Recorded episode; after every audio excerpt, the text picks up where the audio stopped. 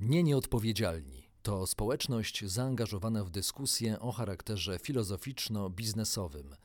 Naszym celem jest uwrażliwienie ludzi biznesu i nas, obywateli, użytkowników tego świata, na różne aspekty odpowiedzialności.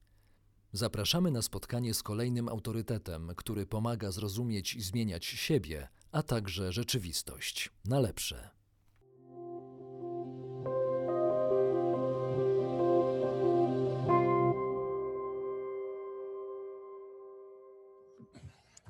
Dzień dobry Państwu. Dzisiaj do rozmowy w temacie, czy w Polsce istnieje wspólnota, zaprosiłem Wawrzyńca Smoczyńskiego.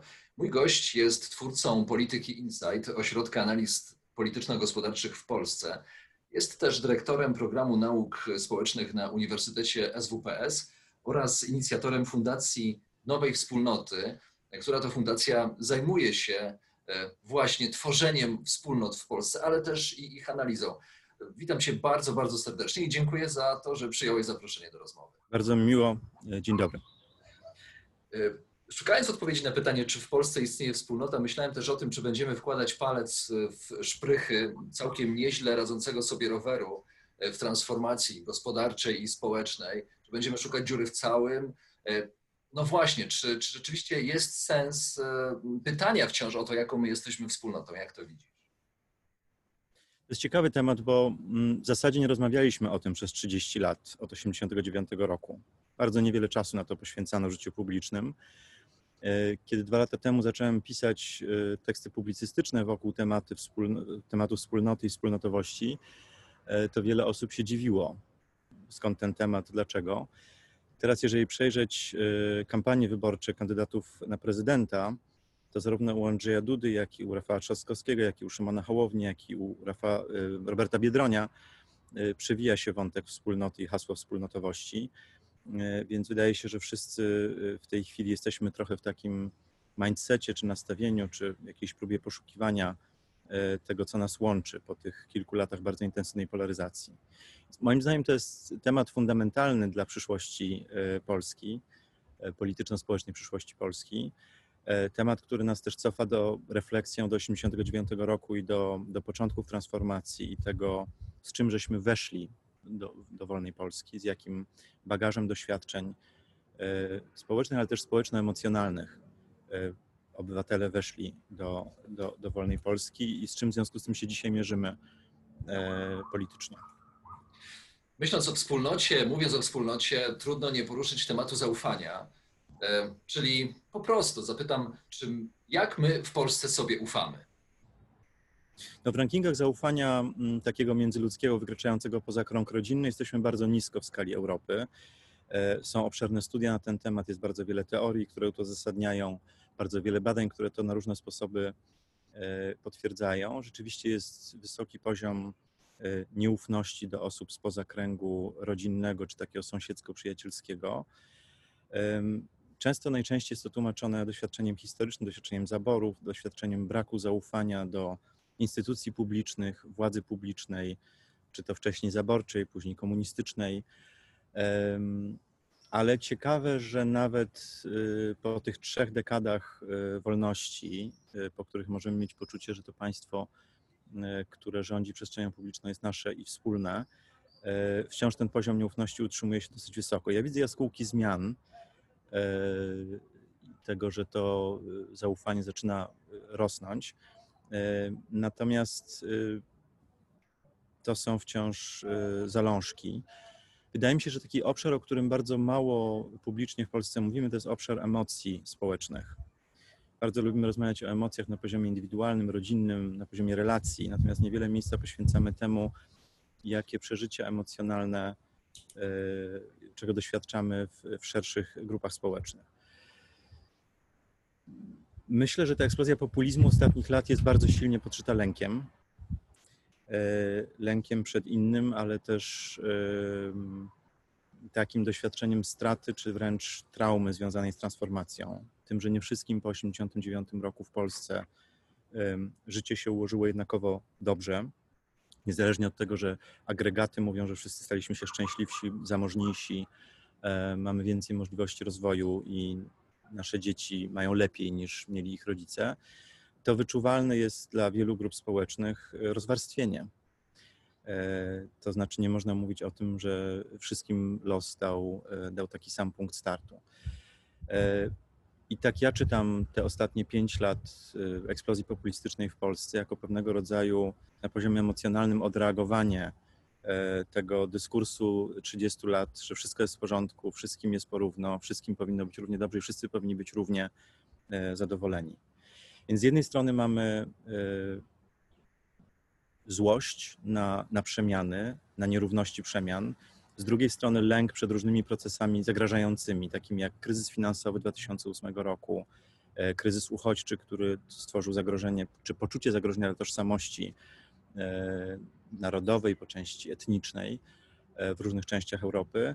No i teraz kryzys zdrowotny, który sprawia, że ludzie jeszcze bardziej się od siebie izolują w obawie przed, przed, o własne zdrowie.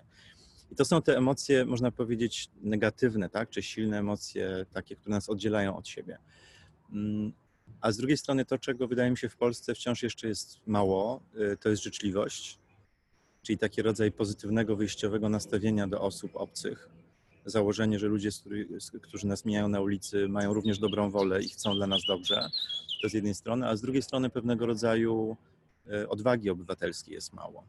Tak? Czyli bardziej wchodzimy w postawy defensywne, odgradzające się, nastawiające się na konflikt, na starcie, niż w takie postawy otwartości, jednocześnie odwagi wychodzenia do drugiego człowieka. Trudno nie zgodzić się z tym, o czym mówisz, jak przedstawiasz tę naszą polską rzeczywistość, ale też mówiąc o tym, że mamy na zewnątrz niezbyt sprzyjające nam okoliczności, jak chociażby koronawirus i wcześniejsze kryzysy, mamy też ciągle zmieniający się świat. Mamy chociażby wojnę handlową pomiędzy Stanami a, a, a Chinami. Mamy zmieniającą się Unię Europejską i mamy te nasze historyczne zaszłości. Czy my obecnie nie za dużo od siebie wymagamy, jeśli chodzi o, o budowanie tej, tej wspólnoty? Bo być może 30 lat to za mało, żeby odkręcić, załóżmy, ostatnie trzy wieki pe, pe, pewnej sytuacji społecznej, biorąc pod uwagę jeszcze to, to otoczenie, więc to jest zadanie być może dla Hima, Himalaista amatora, który ma zdobyć od razu Mount Everest. No to jest pytanie rzeczywiście, czy, czy, czy warto sobie stawiać w ogóle takie zadania i czy nie należy polegać na, na takich samorodnych, samoistnych procesach społeczno-politycznych. Ja czytając historię mam takie poczucie, że jeżeli oddajemy bieg historii po prostu losowi, to często to się obraca przeciwko nam, ludziom. E, więc jakkolwiek nie mam nadziei na, y, na, na, zbudowanie czegoś natychmiast i szybko, to uważam, że odpowiedzialność na każdym pokoleniu jest jednakowa, tak to rozpoczywa. W tym sensie, że jeżeli widzimy problem w otaczającym nas świecie, no to powinniśmy robić możliwie dużo, żeby się z tym zmierzyć. Na początek próbując zdefiniować to, z czym się mierzymy, w jakich okolicznościach żyjemy, jaki jest ten świat, e, a potem próbując e, poprzez działanie na, jego, na niego w jakiś sposób um, oddziaływać. Myślę, że to, co było z mojego punktu widzenia pewnym błędem w takim myśleniu wspólnotowym czy społecznikowskim ostatnich 30 e, lat, to jest to, że duża część świata pozarządowego e, działała odgórnie, e, działała nieoddolnie, nielokalnie, nie w terenie. Bardzo dużo jest organizacji szalenie zasłużonych na różnych polach, które działały w terenie. Natomiast wiele organizacji, szczególnie tych zajmujących się sprawami obywatelskimi, sprawami świadomości demokratycznej, świadomości obywatelskiej, ulegało takiej pokusie nadawania pewnego komunikatu z Warszawy i mówienia, jak ma być, jak mamy tą obywatelskość rozumieć. Bez zadawania sobie trudu, żeby wyjść e, z Warszawy i pojechać e, do Polski, bo Polska jest wszędzie, w każdym mieście i w, każdym, w każdej wsi, a nie tylko w Warszawie, jak niektórzy zakładają, i posłuchać, zanim zaczniemy mówić, posłuchać tego, jak ludzie rozumieją E, swoje bycie obywatelem, jak widzą swój świat dookoła, co ich boli, co ich, e, e, co ich uwiera. I tutaj, jak bardzo byśmy nie krytykowali Prawa i Sprawiedliwości za różnego rodzaju posunięcia godzące w prawa obywatelskie i w demokrację, w fundamenty praworządności w Polsce, to to jest partia, która na pewnym etapie, kiedy inne partie nie chciały słuchać tego, co mówi elektorat, to elektoratu słuchała. I odpowiedziała na gniew który wyczuła i który, o którym usłyszała. Tylko gniew nie może być jedną odpowiedzią i jednym sposobem na rozwiązywanie problemów społecznych. On jest często jednym sposobem, żeby pewne rzeczy wybrzmiały w przestrzeni publicznej, natomiast nie jest emocją, na której można budować. Zdaje się, że masz duży ruch w powietrzu, to znaczy oprócz e, ptaków są też samoloty. E, ale powróćmy do, do naszego głównego wątku, czyli o tym, jaką mamy w Polsce wspólnotę. No właśnie, jaką mamy w Polsce wspólnotę? Czy byłbyś w stanie pokusić się o, o wypowiedzenie jej definicji, czy jakości tej wspólnoty w, w kilku zdaniach? Ja się dość długo nad tym zastanawiałem, czy w ogóle w Polsce istnieje taka wspólnota, jakiej, jaką, jaką bym sobie wyobrażał, i doszedłem do takiego wniosku, że, że chyba jej nie ma. Albo że jeżeli jest, jest, jest, jest bardzo wiele lokalnych, miejscowych, y, różnych takich zalążkowych wspólnot. Wydaje mi się, że często mylimy wspólnotę z plemieniem. E, jak obserwować taki rozwój społeczny człowieka, no to wychodzimy z tej grupy rodzinnej, w której się rodzimy. Najpierw w ogóle z relacji z rodzicami, później wchodzimy w szerszą własną rodzinę, później coraz szerzej, jak dorastamy, e, można powiedzieć, wychodzimy na coraz szersze wody społeczne. E, I w którymś momencie wchodzimy, czy odnajdujemy się, czy identyfikujemy się poprzez nasze plemię. Oczywiście nie ma dzisiaj plemion, tak? ale plemieniem są, e, są grupy towarzyskie do pewnego stopnia, plemieniem są grupy socjalizacyjne, w których dorastamy w szkołach, plemieniem są różnego rodzaju organizacje, plemionami są na pewno partie polityczne w Polsce dzisiaj. Plemię ma to do, to do siebie, że identyfikuje się poprzez podobieństwo do siebie nawzajem. Tak? Jestem podobny do ciebie, więc należymy do jednego plemienia i definiuje się poprzez granice. Plemię ma ściśle określone granice. Plemię mówi, komu wolno należy do plemienia, plemiona na podstawie, na ple, do plemienia na podstawie tego, czy spełnia określone wymagania, czy nie. E, z tych plemion y, w, takich, takich okresach, kiedy mamy poczucie dużego bezpieczeństwa społecznego, kiedy nic nam nie zagraża, chętnie w naszym kapitalistycznym i zindywidualizowanym świecie wychodzimy w tą szeroką przestrzeń społeczną i zaczynamy silnie podążać za naszymi indywidualnymi, jednostkowymi pragnieniami i dążeniami. E, I tak naprawdę pojęcie społeczeństwa, które jest taką alternatywą niby, niby synonimem dla wspólnoty, opisuje pewien stan, w którym jednostki żyją w dużym dystansie od siebie i realizują swoje indywidualne plany i zamierzenia. Kiedy nawraca lęk społeczny, kiedy przychodzi zagrożenie, my się cofamy do naszych plemion. E, ja lubię mówić, że wtedy w sensie społecznym cofamy się do naszego stanu natury, tak? Znaczy wracamy do tego, w czym się czujemy bezpiecznie. Na przykład wracamy do tego wielkiego plemienia, które się nazywa narodem, który bardzo lubi w Polsce się definiować przed odgrodzeniem od innych nacji, od innych religii, od innych e, etnii, od innych, e, od innych narodowości i od innych grup społecznych. I kiedy myślę o wspólnocie, to myślę o, o, tym, że wspólnota jest czymś takim, w którym ludzie pochodzący z różnych plemion mogą się spotkać. Czyli wspólnota nie jest tożsama z my, dlatego że my zakłada, że my jesteśmy tacy sami. Wspólnota to jest takie miejsce, to jest taka przestrzeń, której ja szanując to, że ty masz inne poglądy, inne przekonania, bez ulegania pokusie, żeby cię do nich przekonać, do moich, bez ulegania pokusie, żeby cię nawrócić na bycie prawdziwym Polakiem, chrześcijaninem, zwolennikiem tradycyjnej rodziny, zwolennikiem związków partnerskich albo zwolennikiem Platformy czy PiSu, bez ulegania tej pokusie postrzegam Ciebie jako, jako takiego samego obywatela jak ja, darzę Cię szacunkiem i życzliwością i zakładam, że jesteśmy w stanie co do ważnych spraw się ze sobą dogadać. To jest dla mnie definicja wspólnoty. E, I to, to, jest, to jest taki konstrukt, można powiedzieć, tak jak bycie indywidualistą jest instynktem, dążymy do tego jako wychowankowie neoliberalnego rynku. Bycie członkiem plemienia jest pewnego rodzaju instynktem, no to bycie członkiem wspólnoty wymaga świadomej decyzji. Ja zdaję sobie sprawę, że jestem inny od innych ludzi, inni są inni ode mnie, a mimo to czuję do nich, wobec nich, z nimi więź emocjonalną i bliskość, która zachęca mnie do tego, żeby z nimi razem być. No i dla mnie wspólnota demokratyczna, czy inaczej wspólnota polityczna, to jest właśnie taka, taka przestrzeń, czyli tak naprawdę mówimy o emocjach, nie mówimy o intelektualnym konstrukcie, nie mówimy o jakiejś idei, tylko mówimy o warstwie emocjonalnej, o warstwie relacji między ludźmi. I to, co robimy w ramach Fundacji Nowej Wspólnoty, czy do czego się przymierzamy, bo rozpoczęliśmy tą działalność w tej chwili, e, to jest próba poszukiwania, poszukania sposobu, żeby takie więzi w Polsce w sposób systematyczny i naturalny budować, bo wydaje mi się, że nie ma innej drogi. Tak, żeśmy doszli do takiego wniosku w naszej grupie, zejścia z tej spirali polaryzacyjnej, w której jesteśmy, w której emocje idą coraz, coraz ostrzej, niż poszukanie takich przestrzeni dialogu i budowania więzi.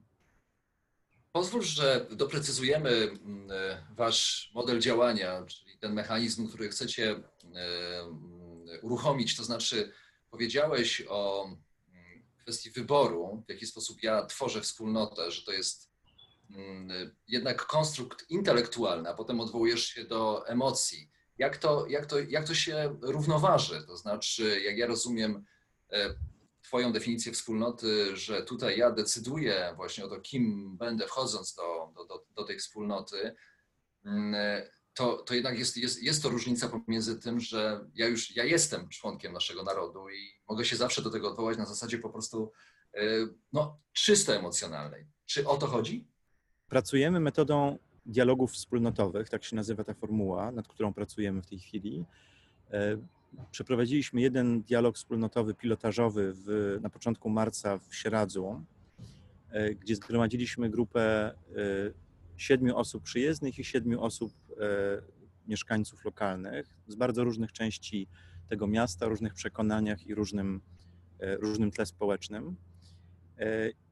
I spędziliśmy razem cały dzień poczynając od takich warsztatów integracyjnych, które pozwoliły nam się w ogóle przedstawić, e, trochę o sobie nawzajem opowiedzieć, poprzez taki półtora godzinny spacer po Sieradzu, gdzie Sieradzanie oprowadzali e, przyjezdnych z Warszawy po mieście i pokazywali swoje miasto, tak jak oni je widzą. A potem mieliśmy taką trzygodzinną warsztatową rozmowę gdzie niczego żeśmy też na wejściu nie zdefiniowali. Myśmy nie przyjechali z pomysłem na to, o czym my chcemy rozmawiać. My powiedzieliśmy, że chcemy porozmawiać o tym, jak jest. I w toku rozmowy wyszło nam, że y, zarówno miejscowi, jak i przyjezdni chcą porozmawiać o tym, jakie piętno odciska życie polityczne na życiu prywatnym i rodzinnym tam w Sieradzu i tu w Warszawie. To była niesamowita rozmowa. Była prawie trzygodzinna rozmowa, w trakcie której chyba ani razu nie padła nazwa żadnej partii, ani nazwisko żadnego polityka.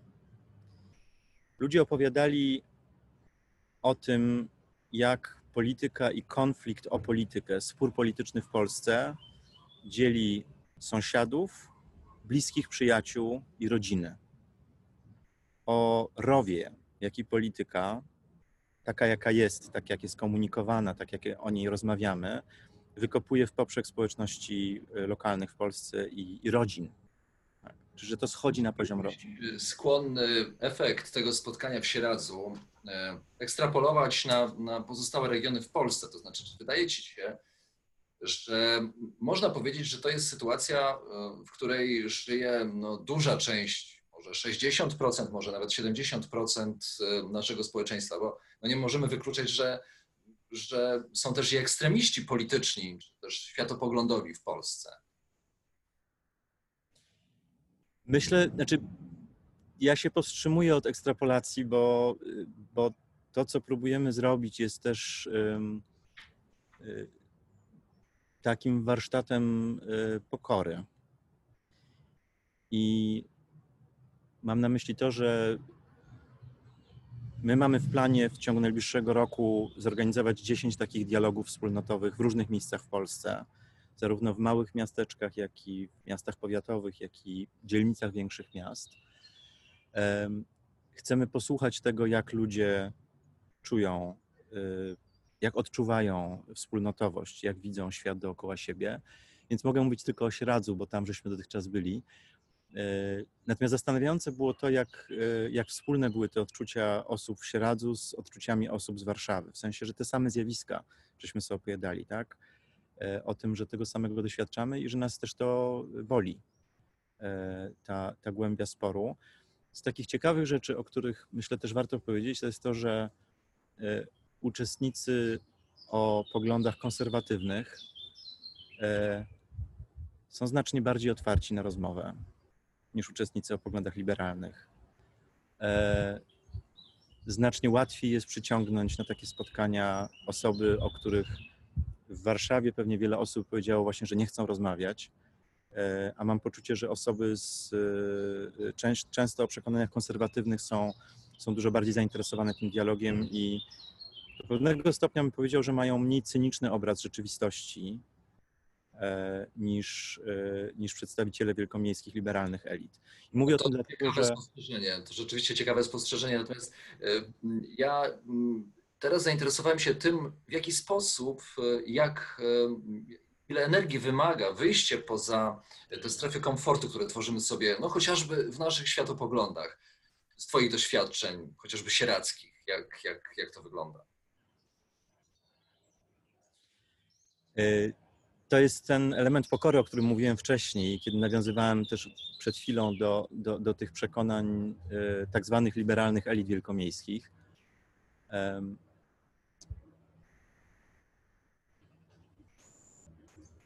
Mam takie poczucie, że, że jest w, wśród e, w tych właśnie elitach bardzo duży tak naprawdę lęk przed Polską lęk przed e, lokalnością, lęk przed ludźmi e, inaczej myślącymi, lęk przed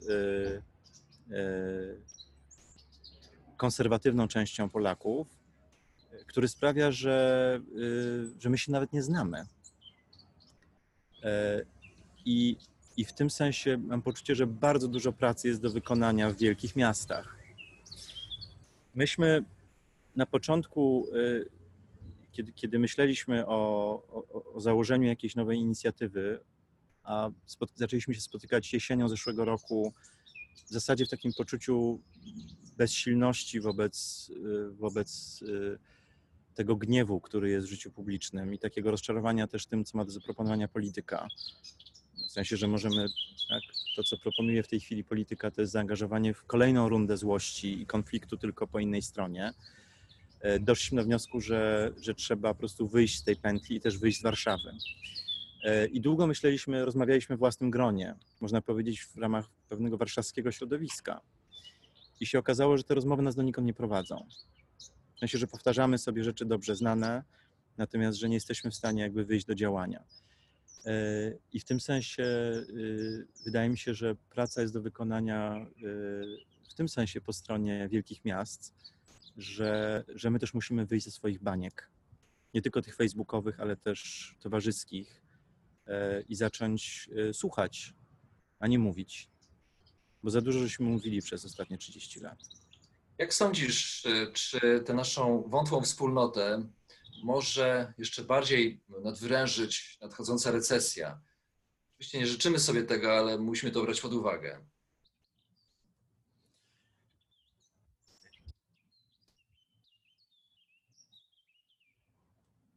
Ja mam takie poczucie, że to, co obserwowaliśmy ostatnie pięć y, lat, y, to był przede wszystkim konflikt kulturowy w Polsce.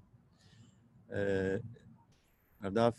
Francuzi i Niemcy w teorii politycznej mówią o tym, że polityką rządzi albo kwestia kulturowa, albo kwestia socjalna. I kwestia kulturowa to są wszystkie kwestie światopoglądowe, które, o które żeśmy toczyli różne spory i debaty w Polsce w ciągu ostatnich pięciu lat. Natomiast no, całe szczęście nie mieliśmy do czynienia z otwartym konfliktem społecznym, socjalnym o dostęp do dóbr materialnych. Czyli takim konfliktem, który zachodzi w krajach, w których następuje gwałtowne biednienie, w których ludzie tracą pracę, e, w których istnieje realny konflikt o, no nie o dobrobyt, ale o podstawy materialne życia. E, I mam nadzieję, że takiego konfliktu e, pełnego w Polsce nie dojdzie. Dane o PKB wskazują, że recesja będzie w Polsce względnie łagodna ta pokowidowa. Natomiast na pewno dojdzie do, do pierwszej recesji od 1991 roku w Polsce. Czyli do wydarzenia, które w ogóle w pamięci międzypokoleniowej w Polsce nie istnieje. Znaczy my E, tak jak tu siedzimy, ale też ludzie nieco starsi od nas, znaczy nieco starsi od nas pewnie, nasi rodzice oczywiście pamiętają 90 rok i zapaść gospodarczą po 89, ale później w Polsce nie było recesji, później gospodarka systematycznie rosła. Oczywiście były momenty, kiedy rosło bezrobocie, które w kategoriach gospodarki rozwijającej się pewnie było wydarzeniem recesyjnym, natomiast recesji w rozumieniu takiej kontrakcji PKB, spadku miejsc pracy, likwidacji upadłości dużej grupy przedsiębiorstw w Polsce nie było. Więc my nie wiemy, co to jest i co to znaczy.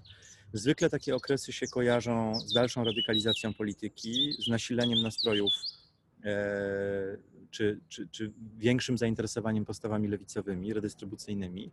Moim zdaniem w Polsce to może być ożywczy moment, e, o ile nie pójdzie w stronę e, tęsknot autorytarnych.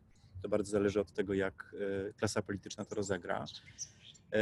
Te obawy, które mam, są związane przede wszystkim z takim wydrenowaniem intelektualnym klasy politycznej w Polsce. Mam dość dobry przegląd z racji pracy, którą się zajmowałem jako dziennikarz i później jako analityk polityczny, kadr politycznych różnych partii w Polsce i mam poczucie, że jest za mało w świecie politycznym osób o szerokich horyzontach intelektualnych, ale też takich, które byłyby po prostu skłonne do, do angażowania się społecznego i do rozmawiania e, i do słuchania. E, więc o to mam obawy, ale e, tak, znaczy wchodzimy w okres turbulencji społecznych.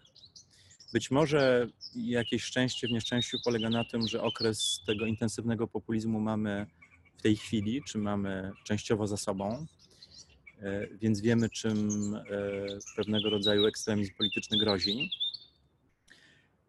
Ale ja też lubię mówić, że demokracja jest ślepym narzędziem, znaczy jest najlepszym z możliwych systemów, bo nie ma lepszego sposobu, żeby dojść do tego, czego wszyscy razem chcemy. Natomiast demokracja daje takie rezultaty, e, jakie idee propagują politycy startujący w wyborach. Tak? Jeżeli oferta polityczna jest marna, no to najlepszy z tej marnej oferty wygra, wygra władzę. To będzie władza. Dzisiaj zapytam o to, e, jak wyglądało przejście Ciebie jako osoby, jako dziennikarza, publicysty, twórcy polityki Insight, osoby, e, nie, nie będę wahał się użyć określenia wpływowe informacyjnie, czyli obracającej się wśród tychże elit, o których powiedziałeś. Jak wyglądało to przejście do Polski terenowej, z Polski metropolii, z Polski elit do Polski terenowej, bo jak mogę zrozumieć, chodzi, chodzi o to, żeby, żebyśmy my wszyscy tę, tę drogę po prostu pokonali, tak? żebyśmy się zbliżyli do siebie, niezależnie od tego, gdzie mieszkamy, jakie mamy pesele i kody, kody miejscowości, tylko żebyśmy stworzyli w ten sposób wspólnotę. Czego to wymagało od ciebie? To jest to bardzo prywatne pytanie, ale. Zgadza się, tak, przyznaję się ja, do tego. Y, jak patrzę na swoją drogę y, zawodową, bo nie traktuję jej w kategoriach kariery, nigdy tak do tego nie podchodziłem, e, to mam takie wrażenie, że, y, że każdy etap jest po coś. W sensie na każdym etapie się czegoś uczyłem. Byłem kiedyś zorientowany na pracę akademicką i myślałem o, o drodze naukowej i mam poczucie, że wtedy byłem na uniwersytecie po to, żeby zdobywać narzędzia pracy intelektualnej. Później zostałem dziennikarzem, e, co pozwoliło mi lepiej poznać jakby realia polityczno-społeczne i mechanikę działania e, sfery publicznej. E, później organizowałem duży zespół w polityce Insight, co było niesamowitym doświadczeniem i bardzo, bardzo wdzięcznym też. I znaczy takim też doświadczeniem uczącym to chyba najważniejsza lekcja, że, że wszystkie tak naprawdę wartościowe i duże rzeczy robimy razem w grupie, że w pojedynkę człowiek nic nie zrobi. E, I że przywództwo de facto polega na zdolności budowania partnerstw i takich warunków do tego, żeby ludzie chcieli ze sobą współdziałać. I w którymś momencie e, w polityce Insight ta droga się dla mnie wyczerpała. To znaczy, miałem poczucie, że zbudowałem świetny zespół, świetnych ludzi, którzy byli w stanie doskonale robić tą pracę beze mnie, bez mojej pomocy. E, I to jest satysfakcjonujący moment sam w sobie, a też nabrałem poczucia, że ta moja rola, że ja, że ja już nie kontrybuuję w taki sposób, jaki bym chciał. E, że, że to nie jest kwestia oddziaływania na rzeczywistość, bardziej kwestia takiego poczucia, że to, co robię, ma, ma głęboki sens. I zacząłem myśleć o tym, e, jaki powinien być kolejny, kolejny krok to się zbiegło z moim odejściem z polityki Insight.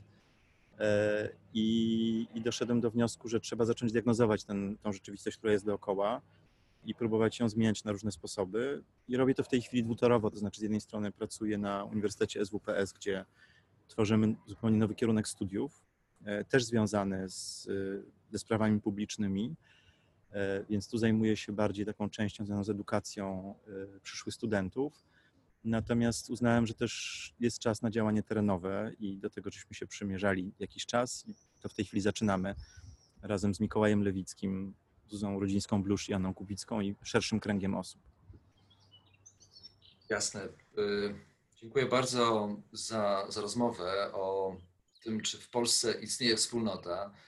Odnoszę wrażenie, że nie wyczerpaliśmy tematu, bo też chyba temat jest niewyczerpany tak naprawdę, nie, niewyczerpalny. Y, Natomiast już żałuję, że opuszczamy ten tajemniczy ogród, który masz za swoimi plecami. Z nadzieją na to, że się w nim znowu spotkamy. Chciałem podziękować Wawrzyńcowi Smoczyńskiemu, który obecnie działa w Fundacji Nowej Wspólnoty jako jej e, inicjator. E, No i będziemy ciekawe wieści fundacji, co się udało zrobić w ciągu najbliższych miesięcy. Dziękuję bardzo. Dziękuję bardzo.